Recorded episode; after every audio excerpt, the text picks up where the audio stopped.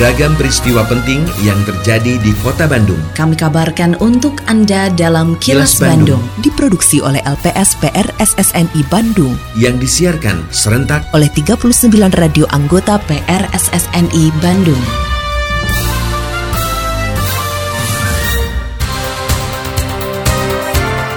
Sejumlah informasi aktual kami hadirkan untuk Anda dan inilah informasi utamanya.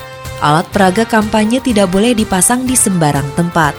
Kebutuhan pokok tersedia tapi harga pada keseimbangan baru. Polisi sita ratusan miras ilegal dari warung di Cimahi. Saya Santika Sari Sumantri, inilah kilas Bandung selengkapnya.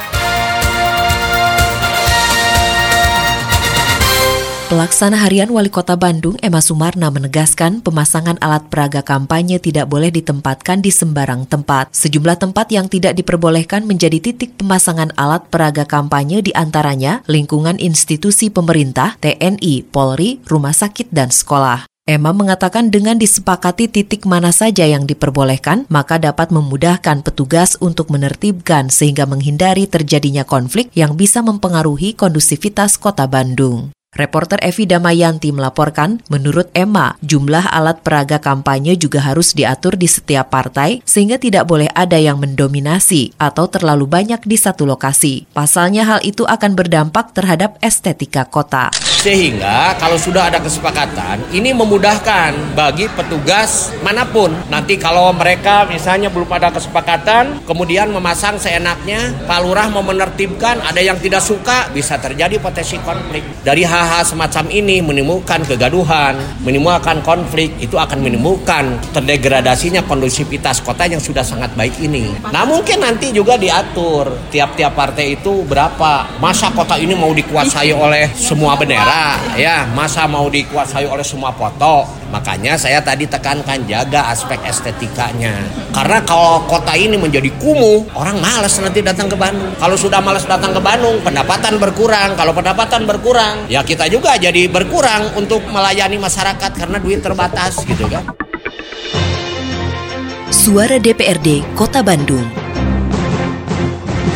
Anggota Komisi C DPRD Kota Bandung, Rediana Awangga, menilai penting pembangunan trotoar karena merupakan cerminan dari sebuah kota. Jika trotoar kurang bagus, maka kondisi kota dianggap kurang baik. Menurutnya pemerintah daerah harus memperhatikan kualitas trotoar. Setelah terbangun, maka pemerintah juga warga harus ikut menjaganya sehingga trotoar kota Bandung aman dan nyaman. Politisi Nasdem ini mengatakan jika ada trotoar rusak maka harus diperhatikan apakah disebabkan kualitas pengerjaan yang buruk atau faktor alam dan cuaca. Terlebih pembangunan infrastruktur berasal dari APBD sehingga harus ada pengawasan, pengendalian dan pengerjaan setelah serah terima dari pihak ketiga. Kita memahami pentingnya trotoar. Trotoar itu merupakan cerminan dari budaya suatu bangsa ya, termasuk juga mukanya kota. Jadi ketika trotoarnya kurang bagus ya kurang lebih seperti itulah kondisi kotanya. Tetapi tentunya dalam melakukan pembangunan trotoar itu kita harapkan pemerintah juga memperhatikan kualitasnya agar tidak cepat rusak dan juga masyarakatnya pun juga ketika sudah terbangun harus ikut menjaga fasilitas umum itu agar dapat digunakan oleh banyak pihak dengan nyaman. Sebenarnya kalau berbicara soal pembangunan infrastruktur yang berasal dari APBD Kota Bandung itu harus memang ada kontrol dari pemerintah gitu kan dari bagian pengawasan pengendalian baik itu pada saat proses pengerjaan ataupun pada saat serah terima dari si pihak ketiga yang mengerjakan kepada pemerintah kota. Apakah sudah sesuai dengan spesifikasi apa belum gitu kan. Tetapi kondisi saat ini memang banyak hal kita harus lihat juga dan nanti misalnya yang rusak ini apakah memang karena cuaca atau intensitas hujan yang kemudian ekstrim gitu ya kemudian yang harusnya bertahan berapa lama jadi lebih cepat atau memang kualitas pekerjaan yang kurang baik. Nah itu harus dicoba dicek sama pemerintah.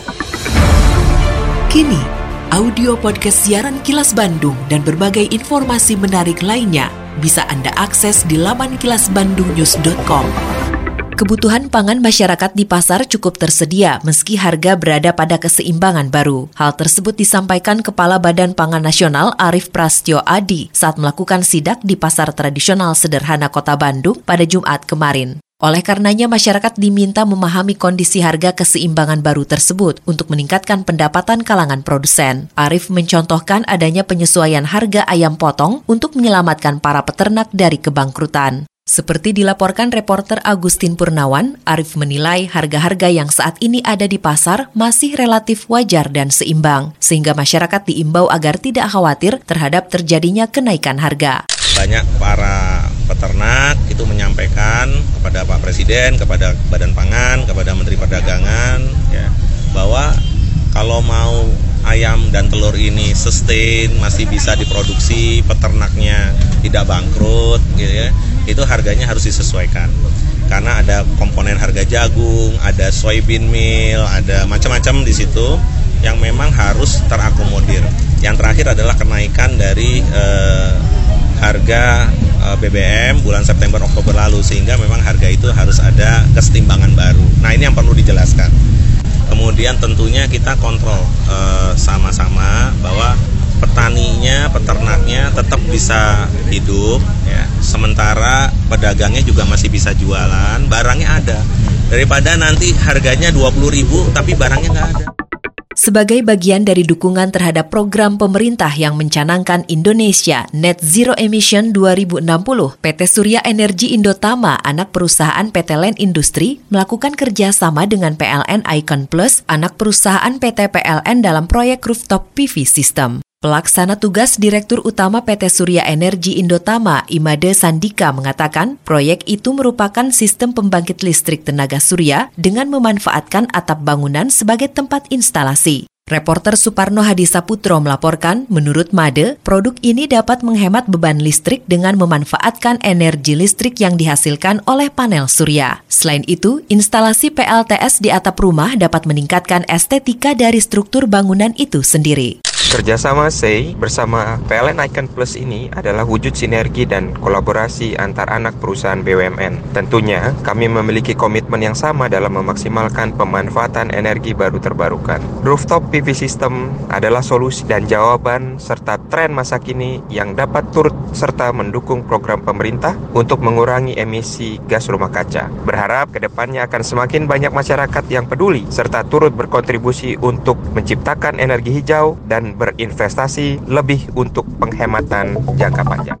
Polisi menyita ratusan botol minuman keras dari berbagai merek hasil penggerbegan terhadap sebuah warung kelontong di Kampung Rancabelut, Kota Cimahi. Kasat Sabhara Polres Cimahi AKP Dudi Iskandar mengatakan penindakan peredaran miras ilegal dilakukan setelah pihaknya mendapat laporan dari masyarakat terkait penjualan miras ilegal. Untuk mengelabui petugas, penjualan miras ilegal dilakukan melalui aplikasi belanja online. Reporter Yudi Dirgantara melaporkan, selain menangkap pemilik miras ilegal, polisi juga menyita sebanyak 552 botol miras dari berbagai merek laporan dari masyarakat terkait adanya peredaran miras dan informasi awal miras ini dijual secara manual atau terbuka. Nah setelah kemudian dicek sama anggota patroli, mereka mengelabui petugas dengan cara menjual dengan cara online.